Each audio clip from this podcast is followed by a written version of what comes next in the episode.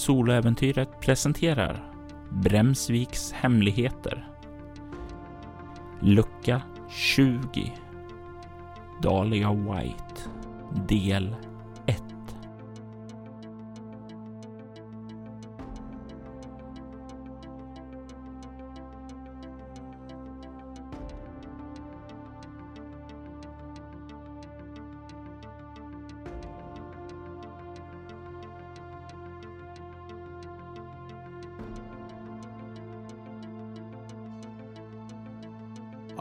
patience, perseverance, and dedication. Now I really know myself, and I know my voice. It's a voice of pain and victory. Anthony Hamilton. Amazonas 2012. Det varma vädret är nästan tryckande för den person som sitter på flodbåten som åker längs med Amazonasfloden. Det är inte en vanlig känsla för den här personen, för det är en vanligtvis en person som inte brukar påverkas särskilt mycket av väder och vind. Anna, skulle du kunna beskriva lite vem den här personen som sitter i båtens för är? Mm. Personen som sitter i fören har långt rödbrunt hår och är klädd i väldigt lösa och lediga kläder. Tunn, en tunn klänning som visar väldigt mycket hud. Som att hon inte riktigt... Eh, som att hon antingen bryr sig väldigt mycket om sitt yttre eftersom klänningen visar väldigt mycket. Eller som att hon inte bryr sig alls. Personen heter Dahlia och eh, är en väldigt eh, intressant person som gör de som träffar henne uppfattar henne antingen som väldigt moderlig och omtänksam eller som ett barn. Men just nu så är hon väldigt fokuserad på floden framåt. Och eh, du stirrar framåt förväntansfull där ni tar er längre och djupare in i regnskogen. Din guide som sitter längst bak i båten, David McEvans, eh, han, han stirrar lite tyst fram emot dig.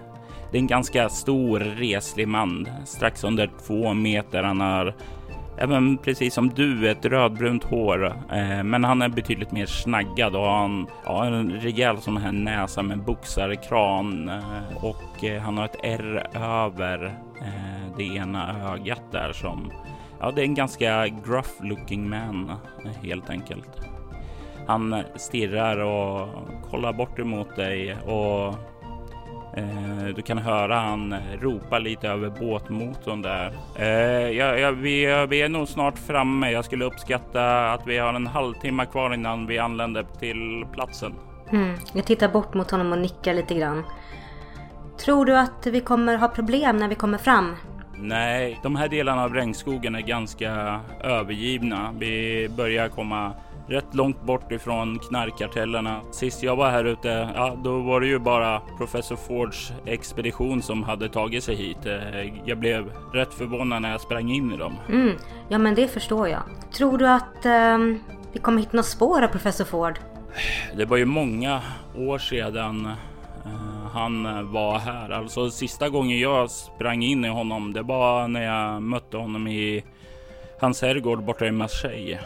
Och det här är nyheter för dig. Att eh, han mötte honom i Marseille, den här professor Ford som du letar efter. Så uh, David, så du mötte honom i Marseille? När var detta?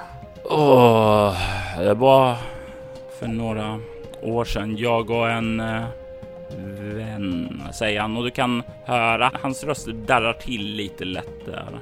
Uh, vi Ja, jag vet inte riktigt var jag ska börja. Det var ett helvete sedan vi kom tillbaka från expeditionen med professor Ford. Eh, jag kom tillbaka till ingenting och det hände detsamma för min vän. Det var som om hela våra liv hade bara suddats ut och försvunnit. Ingen, ja, eh, varken min bror, mina föräldrar eller mina överbefälhavare, de, de kände inte till mig. Det var som om jag aldrig hade existerat i samhället. Men det låter ju högst märkligt. Är du säker på att det verkligen var så som det var? Att de inte kanske spelade i något skämt? Ja, alltså skulle det bara vara mina överbefälhavare visst. Eh, jag har hört talas om vänner som blivit brända, men även ens föräldrar, även gamla klasskompisar, eh, gamla flickvänner. Alltså, det finns ingen chans. Och Jordans föräldrar, de älskade henne och var så varma som hon beskrev det, men de kände inte igen henne heller. Jag är övertygad om att det var någonting som professor Ford gjorde som suddade ut hela våra liv och jag, jag är övertygad om att det var någonting som skedde på den här expeditionen som eh, orsakade det. Det låter ju verkligen märkligt.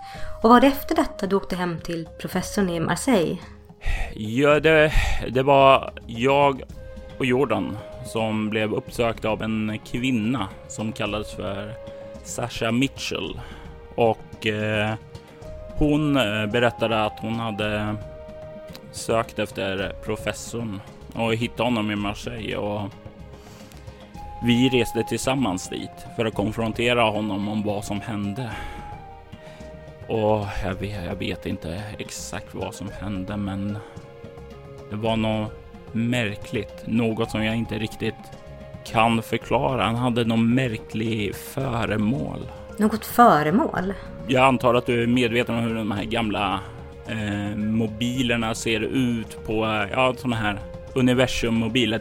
Solsystems eh, symbol helt enkelt. En massa banor med planeter som snurrar omkring kring ett centrum så att säga. Det var typ en sådan, men den, den, ah, den verkade sväva ovanför hans hand. Eh, jag, jag kan inte förklara det, men den lös till och i nästa ögonblick så var hon borta. Sasha försvunnen. Jag och Jordan, vi, vi var ensam kvar med professorn och hans betjänt Pott. Pott var även med på expeditionen då och de, de dö, dödade Jordan. Jag kunde inte rädda henne. Du kan se hur han blir mer nedstämd och när han beskriver det här dödsfallet så är det verkligen som om du kan se att det berör honom djupt. Jag beklagar verkligen att höra. Jag ser att det, jag ser att det här är svårt för dig att prata om. Verkligen. Jag eh, reser mig upp och går bort till honom och sätter mig en bit ifrån och sträcker ut handen mot mig för att visa att jag finns här. Han nickar och andas ut. Så du berättar aldrig varför du är på väg hit? Det är så att jag egentligen letar efter min bror. Mm, okej. Okay. Eh, och du tror att han ska finnas här på uh, professor Fords eh, gamla expedition? Jag vet inte riktigt. Det är lite det jag hoppas få reda på. Jag tappade spåren ifrån honom för flera år sedan. Det kanske var så att du stötte på honom i Marseille. Hans, han heter Andrew. Heter Andrew. Hmm, Andrew. Andrew. Jo, på professor eh, Fords eh, herrgård i Marseille fanns det spår av Andrew där. Vad jag lyckades pussla ihop efter att professor Ford och Pott hade flytt. Det fanns en sista gäst där. En gäst som hade listat ut hur den här artefakten fungerade. Hur eh, denne hade använt artefakten och försvunnit. Det fanns en videofilm på det. En videofilm? Jag har lutat mig längre och längre fram när han har berättat. Eh, ja, eh, professor Ford hade tydligtvis bjudit in massa folk för att få reda på hur den här artefakten som han tydligen tydligtvis hade funnits här eh, på platsen vi är på väg till. Eh, han hade inte lyckats få den att fungera, men Andrew hade löst det på något sätt. Han hade eh, lyckats låsa upp den, om jag förstår det rätt. Eh, professor Ford eh, hade sett till att ha dolda videokameror för att filma allt som hände i huset. Och det var så jag såg den här Andrew, din bror. Jag vet inte vad som hände med honom, men i samma ögonblick som han använde artefakten så svepte det ett starkt ljussken över rummet och därefter var han borta. Det verkar inte som om professor Ford visste var han tog vägen heller. Han verkade lika förvånad som jag var. Så det verkar som Andrew löste hur man använder artefakten. Vi, verkade professor Ford kunna använda den på samma sätt sedan? Åh, oh, jag vet inte om samma sätt, men jag, jag tror han eh, studerade utifrån videofilmen hur Andrew använde den och jag kan inte svära på att det var exakt samma sätt, men på liknande sätt i alla fall. Tack så jättemycket för att du berättade. Jag har letat efter min bror väldigt länge och alla spår är, har varit av största vikt. Men att han har försvunnit på det sättet är ju väldigt oroande. Ja, eh, och om vi kan finna några spår här som hjälper dig vidare så ska vi göra våra allra bästa för det. Eh, jag kanske inte kunde rädda min vän Jordan, men jag hoppas att jag kan hjälpa till för att eh, finna och hjälpa din bror. Ja, för jag känner på mig att han fortfarande lever. Det är jag övertygad om. Vi håller tummarna för det, säger han och nickar åt dig. Och du kan se han liksom glider tillbaka in i sina tankar där. Du kan se längre fram då hur eh, nu floden börjar smalna av. Växtligheten är mycket tätare än eh, det var nyss när du rörde dig från båtens för. Det börjar bli mörkare. Du slänger en snabb koll på klockan och kan se att hon börjar närma sig femtiden. Jag går fram till föraren av båten igen och eh, tittar framåt. Försöker se om jag ser någonting i växtligheten vid sidan. Mm. Du kan få slå ett lätt slag med ego överlevnad. Ja. Äh, ego slår jag en... Har ingen specialisering där tror jag. Jag fick 11 totalt. Mm, och det är ju definitivt nog för att klara ett lätt slag. Du kikar framåt och du kan ju se en hel del djur som eh, finns där ute i skogen. Eh, det är fullt av olika typer av djur. Allt från olika färggranna fåglar till du kan ana också en del mer reptiler som rör sig längs med flodkanten också. Men det som står ut allra mest är hur orört som det här området är.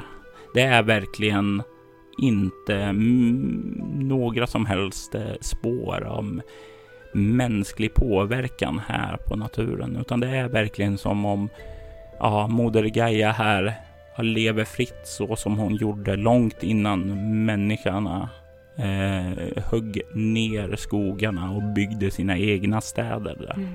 Det här är en miljö jag känner mig hemma i.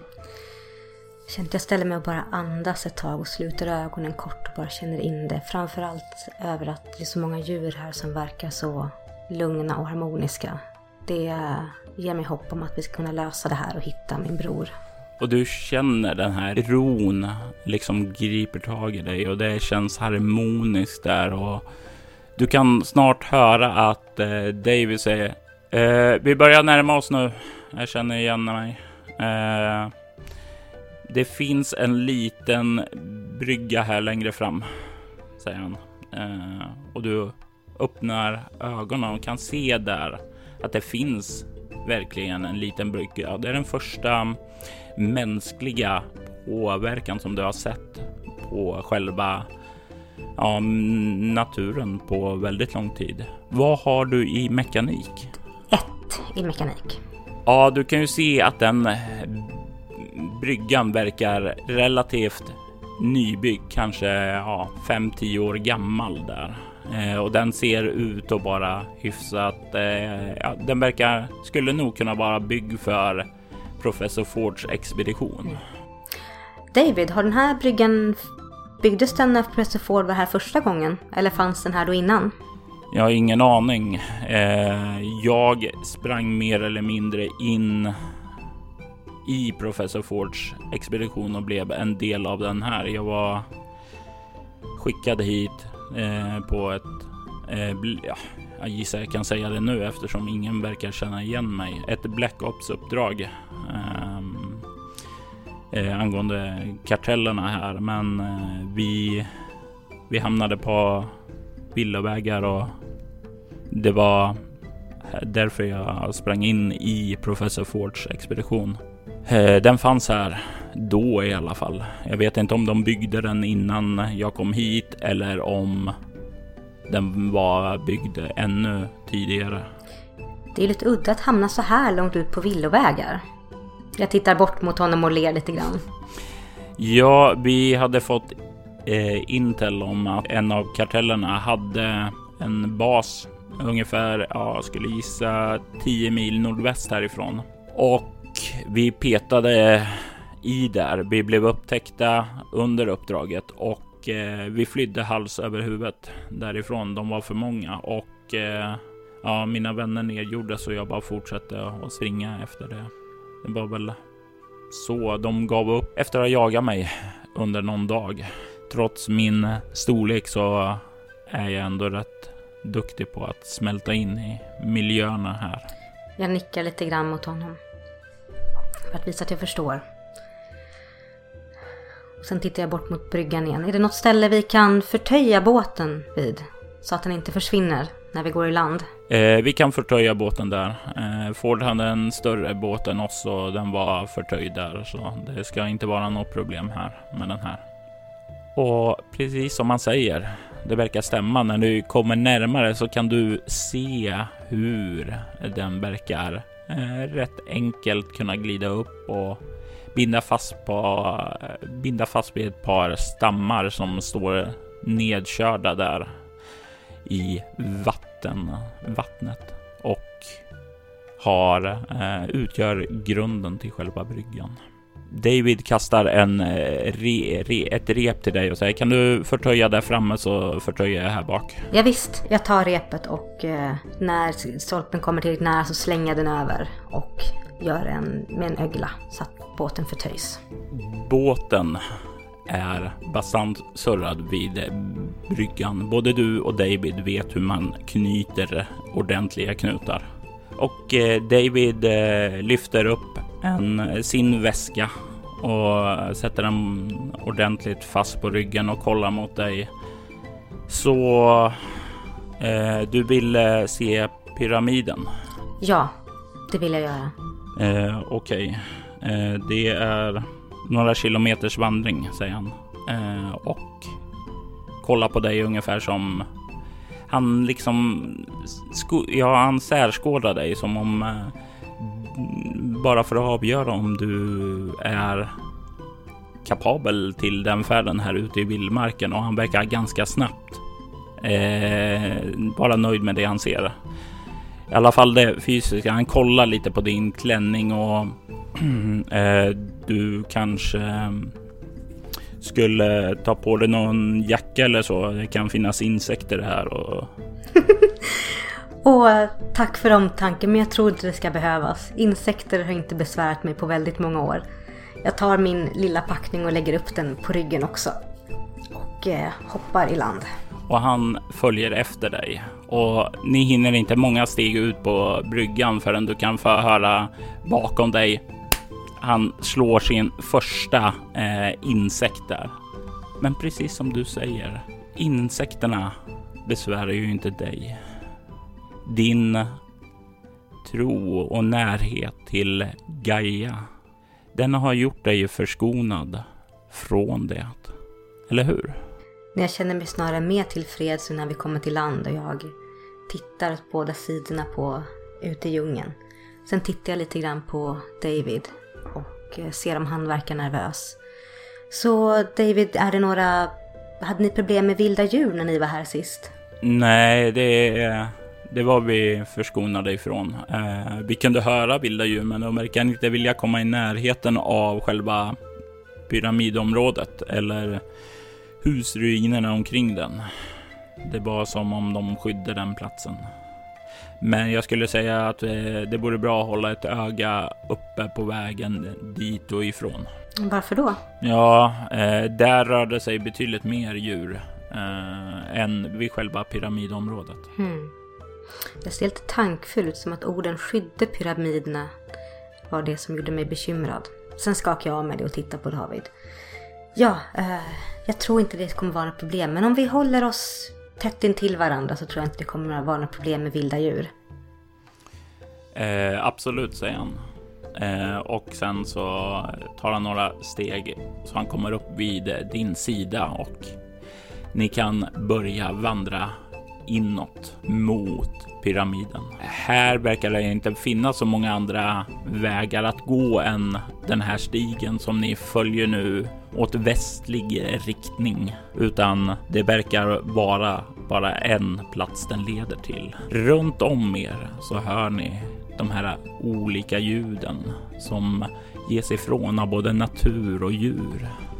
Det är kanske inte ljud som är bekanta för dig sedan tidigare. Men det är ändå djur som det är ändå ljud som är rogivande att höra.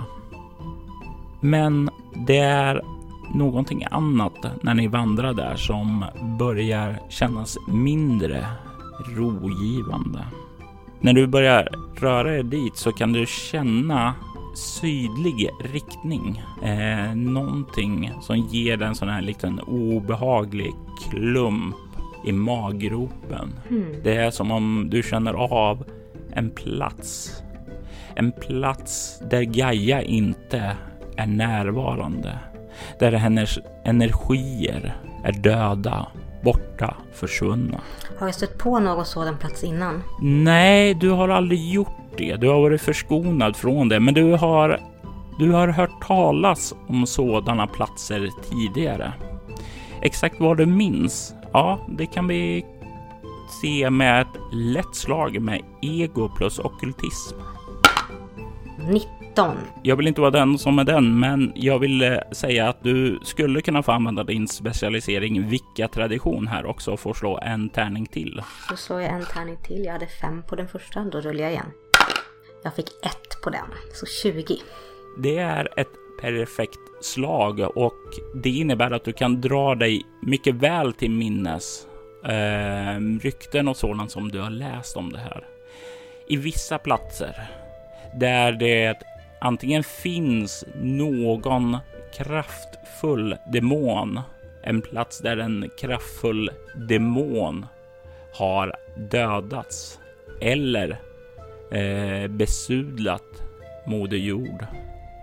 Då kan det uppstå sådana här platser.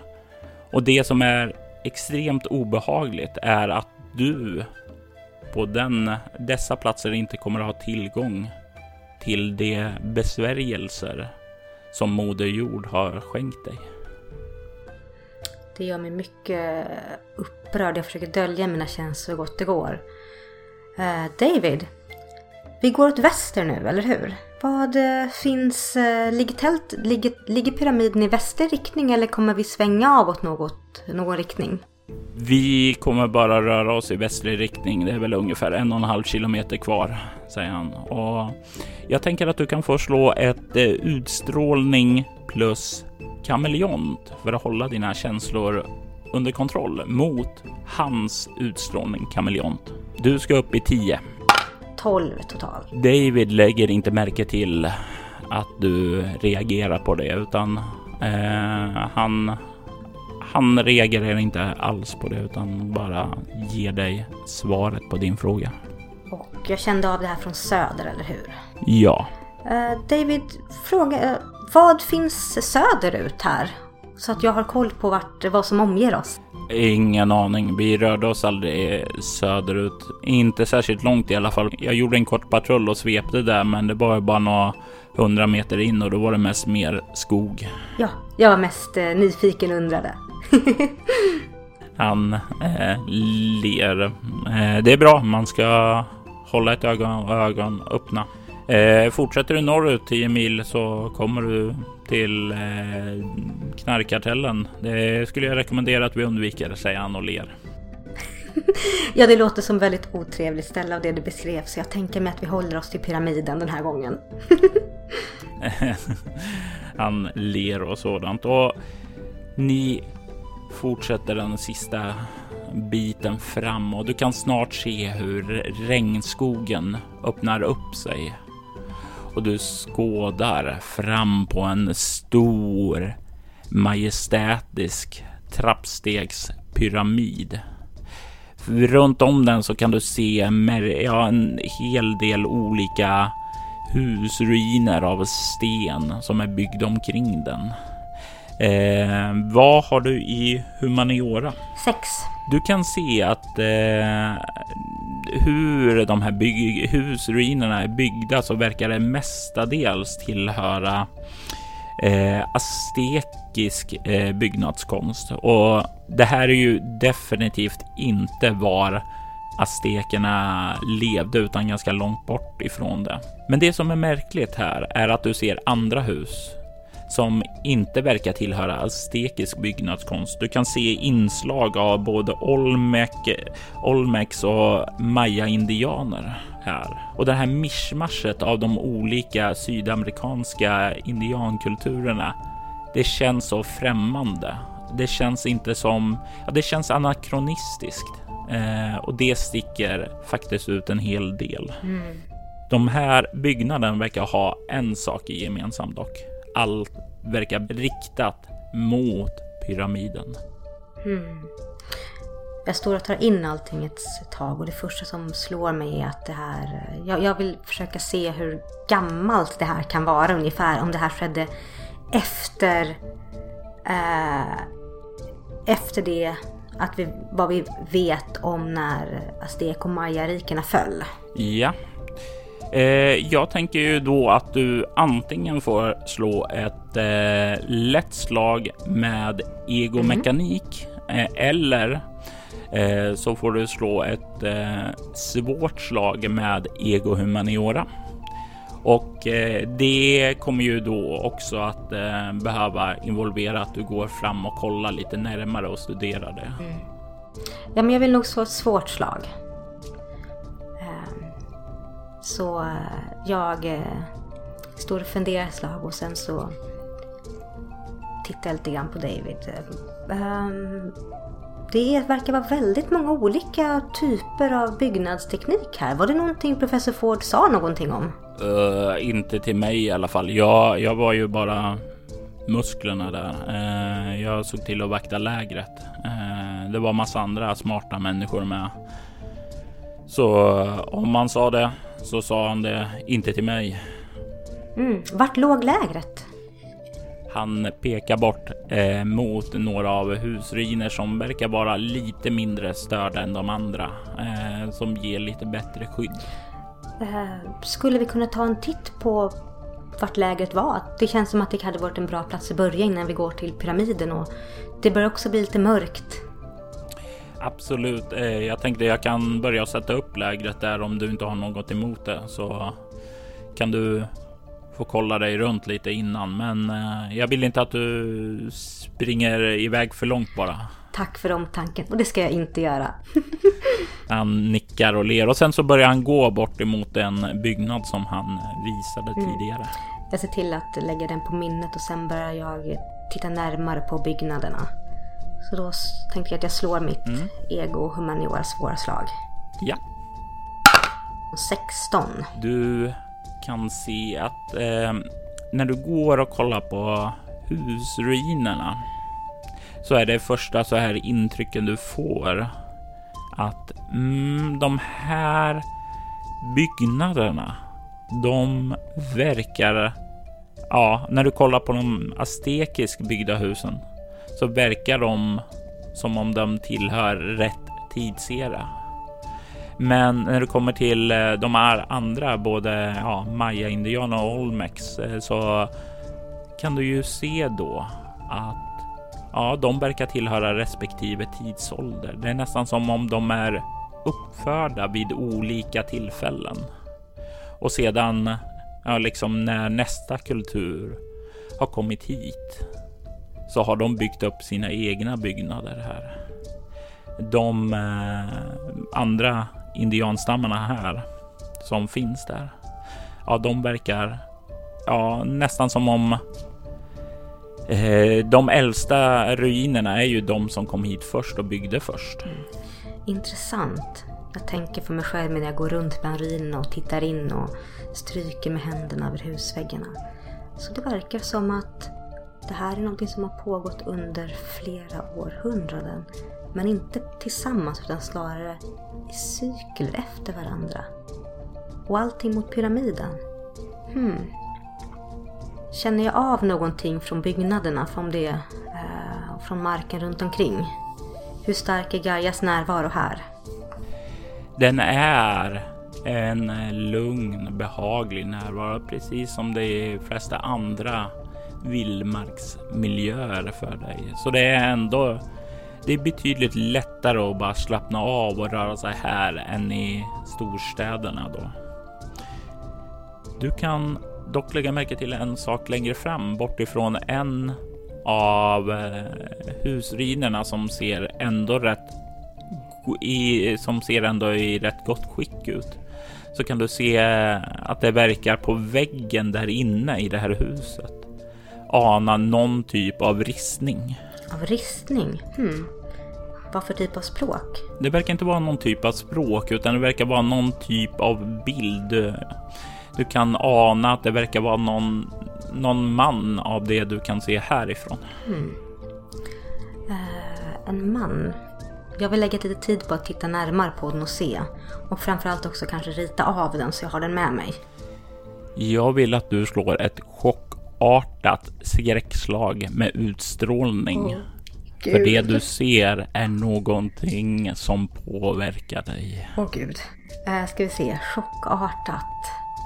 Åtta. Det innebär att du får en skräcknivå.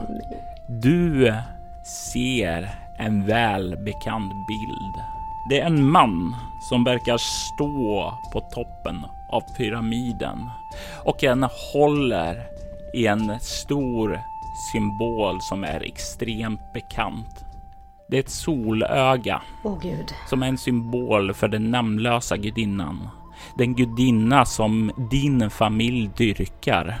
Men det som är allra värst är att mannen som är inristad uppe på pyramiden är kusligt lik din tvillingbror Andrew Winterburn. Andrew! Åh gudinna. Åh, hur hamnar du här? Du var här. Du är här. Är du? Jag sätter mig ner på marken framför målningen och begraver händerna i... Begraver händerna mot marken och sedan lägger ansiktet mot marken för att kunna samla mig.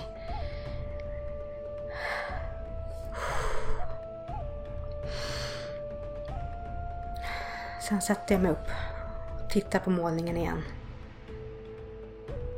Så. Du var här. Du är här. Kanske är du fortfarande här, ja. Men varför med... Vad... Jag får inte riktigt fason på det så att jag börjar gå runt och titta i de andra husen också sen. det finns något mer spår, någon liknande ristning. Du tar och reser upp och börjar gå ut och börjar desperat söka efter eh, någonting som påminner dig om Andrew igen.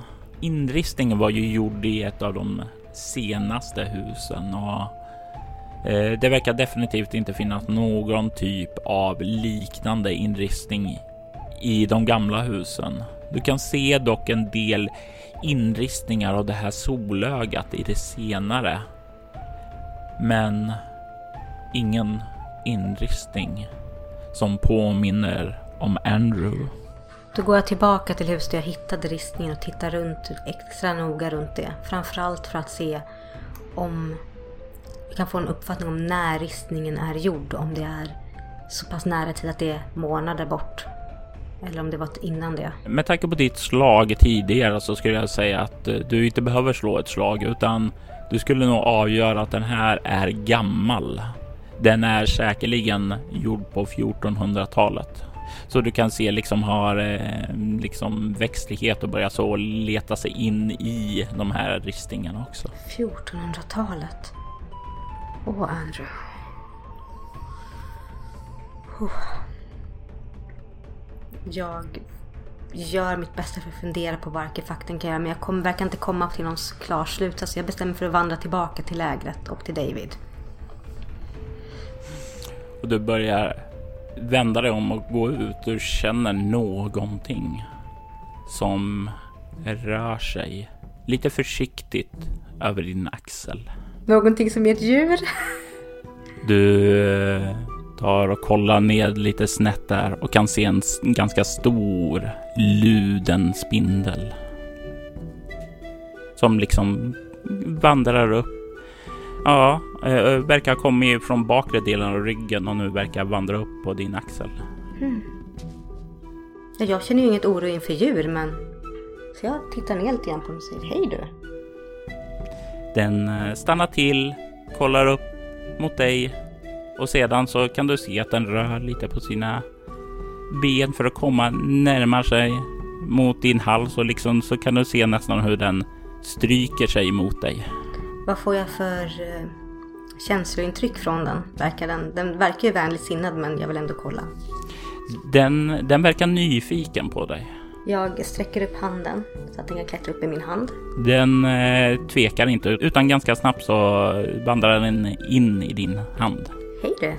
Så vad har du för nyhet till mig? Du kan se hur den eh, verkar vända sig åt ett, ett håll och sen så är den nästan så du får intryck att den lyfter i sitt ena ben, ungefär som om den pekar. Jag eh, lägger ett litet finger på och klappar lite grann och tittar åt det håll den pekar åt. Den pekar mot pyramiden. Så det du säger att det jag söker finns i pyramiden? Du kan se hur den eh, ställer ned benen och sen lyfter den Ja, det, sedan så verkar det som om den rör hela framdelen av kroppen upp och ned, upp och ned. Mm. Jag fortsätter klappa den. Tack så mycket. Har du fler vänner här omkring så säg om ni jättegärna får komma och säga hej till mig. Det här är inte något David kommer uppskatta när hela lägret fylls av spindlar. Mm. Kanske bäst om vi håller det utanför lägret och... Du kan se hur den verkar eh, fortsätta vigla lite på kroppen åt dig. Mm. Ja, var det, var det mer du hade att säga vännen? Sen verkar den eh, vända sig om när du säger det där ungefär som den är klar. Sen börjar den att eh, vandra mot din hand för att komma närmare marken. Jag eh, sätter mig ner på huk och så att den kan krypa ner på marken från min hand. Tack så mycket vännen. Det är väldigt uppskattat med din hjälp. Den vänder sig om, kollar mot dig och eh, om spindlar skulle kunna le så eh, vore du övertygad att den log mot dig nu. Sedan så vänder den sig om och börjar gå därifrån. Jag tar en kort minut och bara tackar Gaia för hjälpen och eh, innan jag beger mig tillbaka till lägret. Och bortifrån lägret där så kan du se nu att det ryker där som David har fått igång en ordentlig eld nu i alla fall. Mm. Vilken tid på dygnet är det nu? Nu skulle du säga att det har ju börjat skymma nu, att det börjar, solen börjar gått ned. Eh, det är eh, säkert fram mellan 19 och 20 någon gång. Jag tittar lite grann på pyramiden när jag går mot lägret men bestämmer för att vi det kan nog vara bra med någon form av fila och mat innan. Framförallt för David. Och du kommer fram dit och du kan se hur David kollar upp eh, nästan. Ja, han hör ju dig redan innan du kommer och nickar mot dig när han ser dig och säger Hitta något intressant än så länge? Ja, lite grann. Några ristningar, lite, lite, trev, lite trevliga arkeologiska insikter i byggnadskonst från förr. Vad bra, vad bra. Eh, är du hungrig? Oh ja. Eh, du kan se han tar undan en gryta som hänger över elden där och häller upp en del i en skål till dig och räcker över den. Mm. Varsågod. Mm. Jag tar emot med luktar. Vad verkar det vara för mat? Du kan ju se att det är någon typ av vanlig sån här ärtsoppa skulle jag gissa han har med sig. Eh, ganska enkel. Det är lite sådana här ja, arméns, eh, arméns ärtsoppa eller den, den, typen av käk. Det, det, han må kanske inte vara en militär längre, men eh, ränderna sitter fortfarande i. Jag tar emot och tackar och eh, så David, eh, pyramiden. Skulle du säga att det är bäst att eh, undersöka den nu ikväll eller imorgon bitti? Jag tittar på honom med eh, och lägger huvudet lite grann på sned för att visa att jag faktiskt litar på hans auktoritet i detta. Han eh, kollar bort emot den. Ja, eh, om... Jag, jag har aldrig varit i pyramiden. Jag får ju faktiskt säga att jag är lite nyfiken på vad som finns där. Jag skulle säga som så att vi skulle kunna undersöka den innan vi vilar eftersom det lär vara mörkt. Om det går att ta sig in i pyramiden, eh, ned i den, då lär det ju bli mörkt där oavsett hur. Om vi ska röra oss i skogen däremot så skulle jag rekommendera att vi väntar. Men eh, jag skulle säga äta först, sträcka lite på benen och sen röra sig upp dit. Det låter som en utmärkt idé. Det tycker jag vi gör. Och eh, ja, om en trappsteg pyramid så borde det vara att röra sig uppåt och borde få en kanske få en sista solnedgångsskymt av hela området. Och det är ju alltid trevligt. Han eh, nickar och ler. Han verkar verkar inte uppskatta den lika mycket som dig, men uh, han uh, har Ja, han, han ser definitivt eh, fram emot att få stilla sin nyfikenhet snarare än att njuta av solnedgången. Men eh, varför var du aldrig nere i pyramiden om jag frågar? Jag pratar med honom men jag fortsätter äta. Det var professor Fords order. Det var bara han som eh, fick röra sig upp. Han ville vara där inne först. Sedan var det några av de här som lite mer smarta. Eh, Jordan, hon var arkeologistudent. Hon såg väldigt mycket fram emot att få undersöka den, men hon fick inte heller besöka den. Det var Ja, just det. Och sen Mr Pott förstås också. Jaha, vad märkligt. Var det någon speciell anledning till att det inte var någon fler som fick gå in? Jag förstår att han vill vara först på plats som många stora arkeologer vill, men var det någonting som hände som gjorde att han inte ville låta några fler gå ner? Jag har ingen aning. Jag kom ju strax efter han hade varit där och utifrån vad Jordan sa så hade han blivit, kommit tillbaka väldigt, väldigt exalterad efter att ha varit där förra gången. Um, och eh, jag gissar väl på att han fann någonting som han inte ville att vi skulle andra skulle se. Eh, skulle jag skulle jag gissa så hittar han något värdefullt som han inte ville att några av vi andra skulle stjäla. Men vad vet jag? Hmm. Något värdefullt? Vet om han hade med sig det hem? Nej, och det här var det märkliga att eh, vanligtvis utifrån vad jag förstått så när man gör fynd så dokumenterar man det och tar med i stora lårar och sådant Men eh, det var ett tillfälle där professor Ford eh, försvann under några timmar. Vi letade efter honom och vi var på väg, eller jag var på väg och eh, ta mig in i pyramiden för att börja kolla om han hade gått vilse där. Och det var då som professor Ford dök upp sa att nu är vi klara, nu åker vi hem. Eh, och han fick ju protester och så, för det var ju många som ville veta vad som för sig gick där inne. Men han var bestämd och det var ju han som betalade, eh, så de flesta valde att följa med honom. Jag vet att Mr Pott backade upp honom. Hmm. Det är ju väldigt märkligt för de säger det är ju sed att dokumentera det man hittar. Ja, och utifrån vad jag har hittat eh, när jag kollar så verkar inte han ha gjort något stort ja, anspråk om vad något han hittar här i till resten av omvärlden. Så hmm, ja, jag trodde han skulle skryta och ha sig som akademiker som gjort upptäcker brukar göra. Men du har ingen uppfattning om vad det var han hittade? Alls? Alltså i efterhand så är jag ju övertygad om han hittar den där artefakten där mm. uppe. Måste vara det som gjorde att han ville dra härifrån. Ja. Att eh, han ansåg att det var det viktiga och han nu ville komma igång och börja studera. Ja, nej jag tänkte på det också. Det verkar vara det mest troliga överhuvudtaget. Och kanske det som drog in min bror i detta också. Antagligen. Så, ställer ner min halvätna skål med ärtsoppa.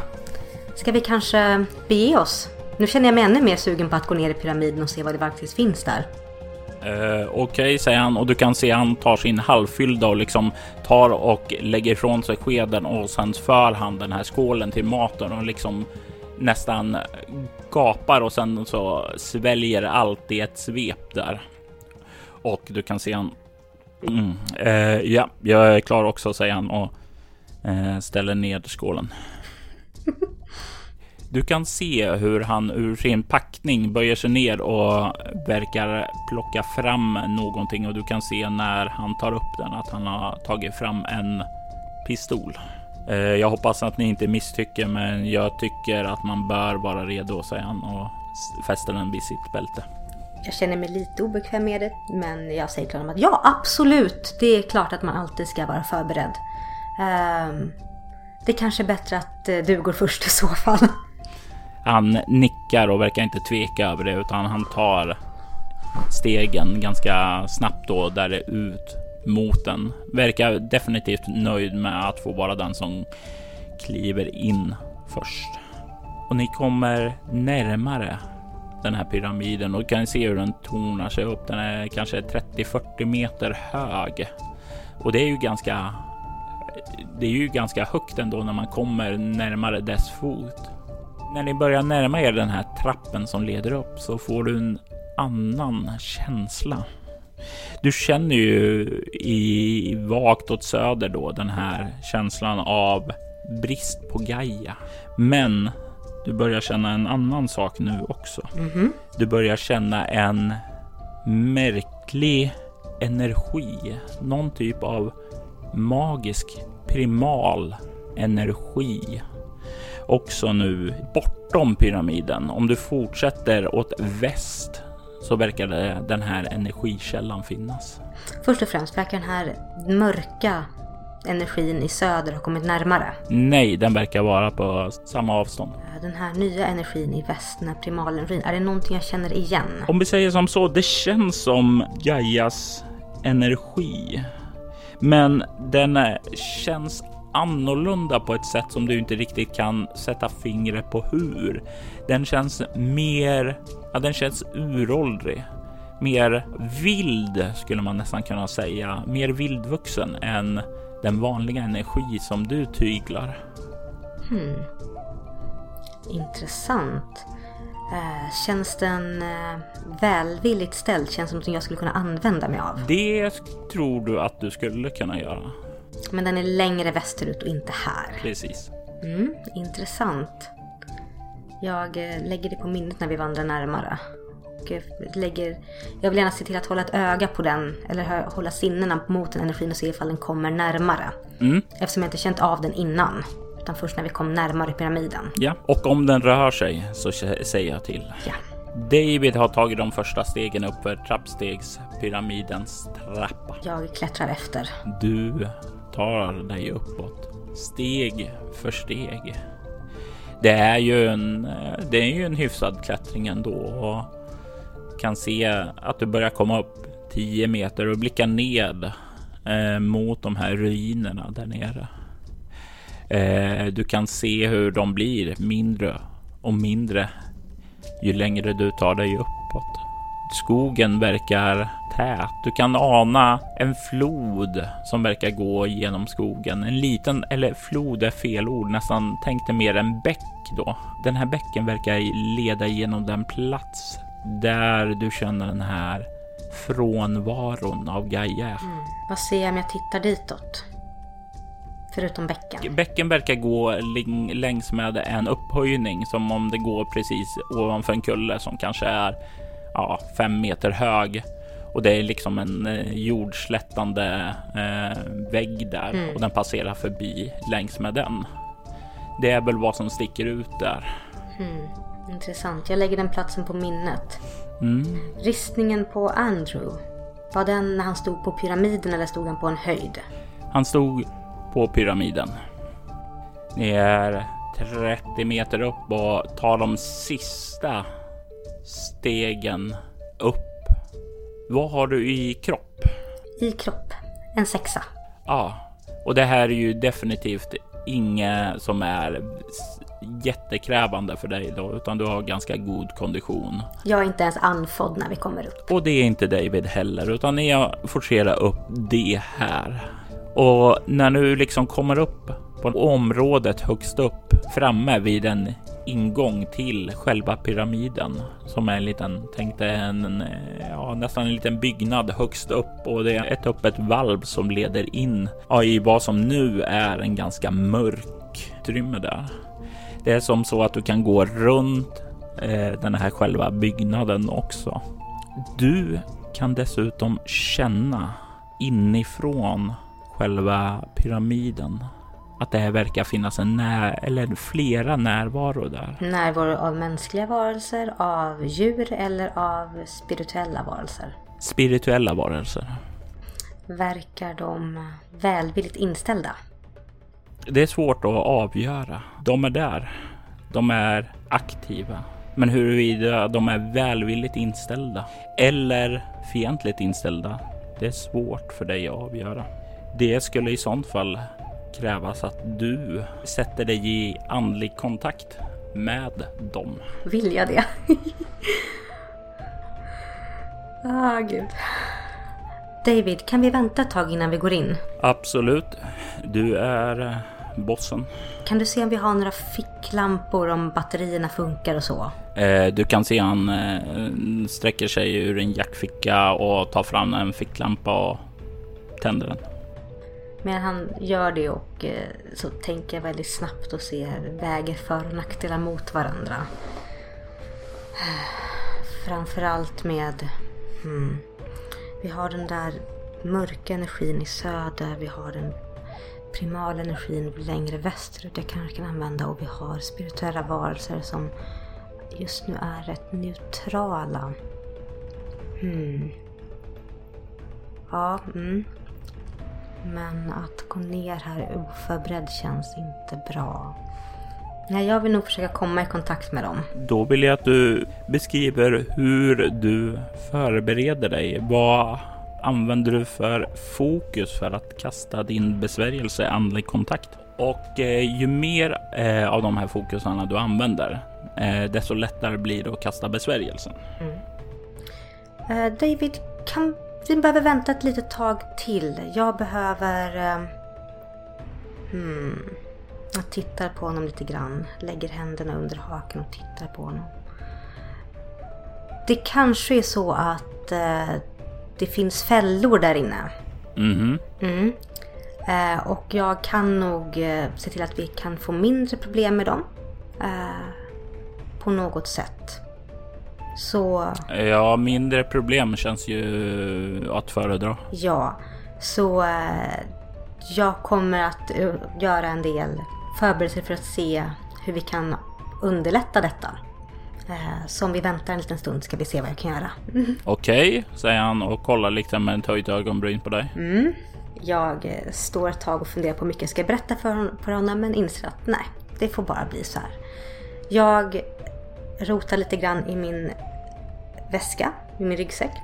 Eh, sedan tar jag fram en eh, Sedan tar jag fram en bunt med rökelser och jag tar fram en pentakel och min pentakel är gjord i mörk ek. Eh, den är väldigt len och slät för jag har använt den väldigt många gånger. Eh, så jag tar den och vrider den i händerna flera gånger fram och tillbaka. Eh, Samtidigt som jag tänder rökelsen. Sätter ner rökelsepinnarna i en liten spricka i stenen bredvid mig. Sätter mig ner. Fortsätter vrida pentaken mellan mina fingrar. Lägger den sedan mellan mina händer. Låter händerna röra sig upp och ner över den.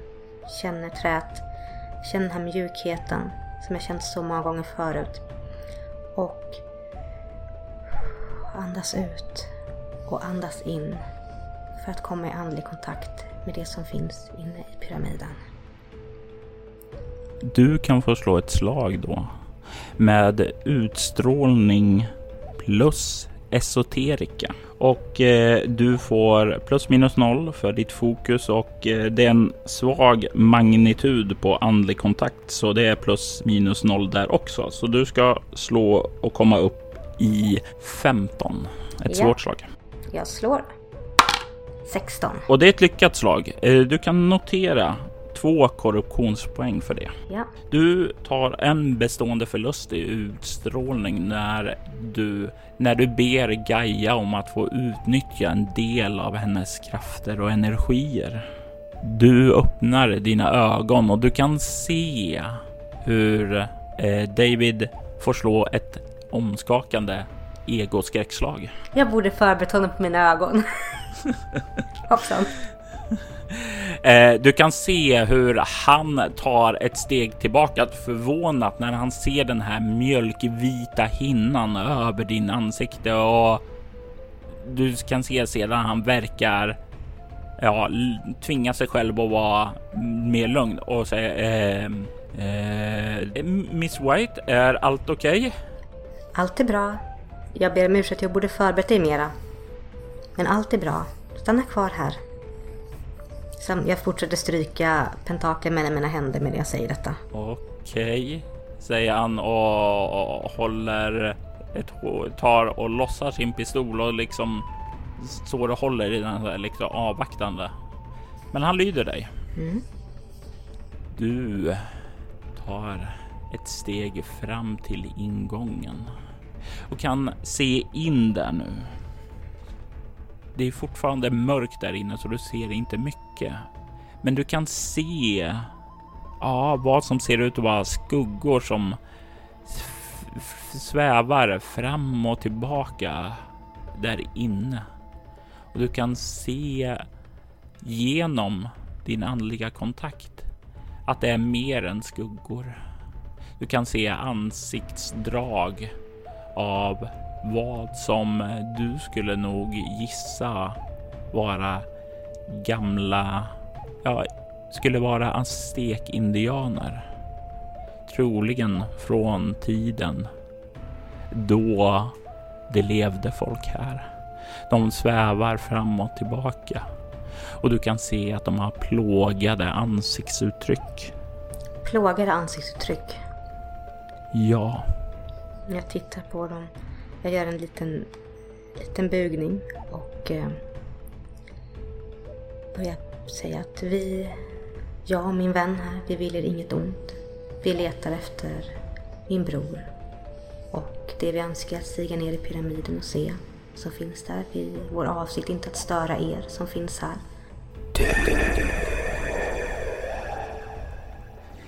Vi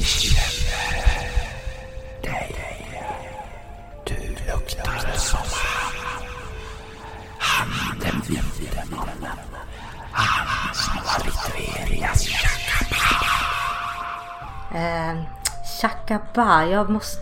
Är det något ord jag känner till? det låter inte det minsta bekant för dig.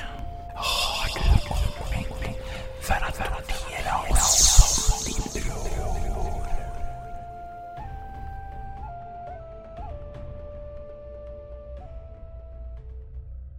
Dahlia White var ett scenario skrivet, spelet och redigerat och ljudlagt av Robert Jonsson.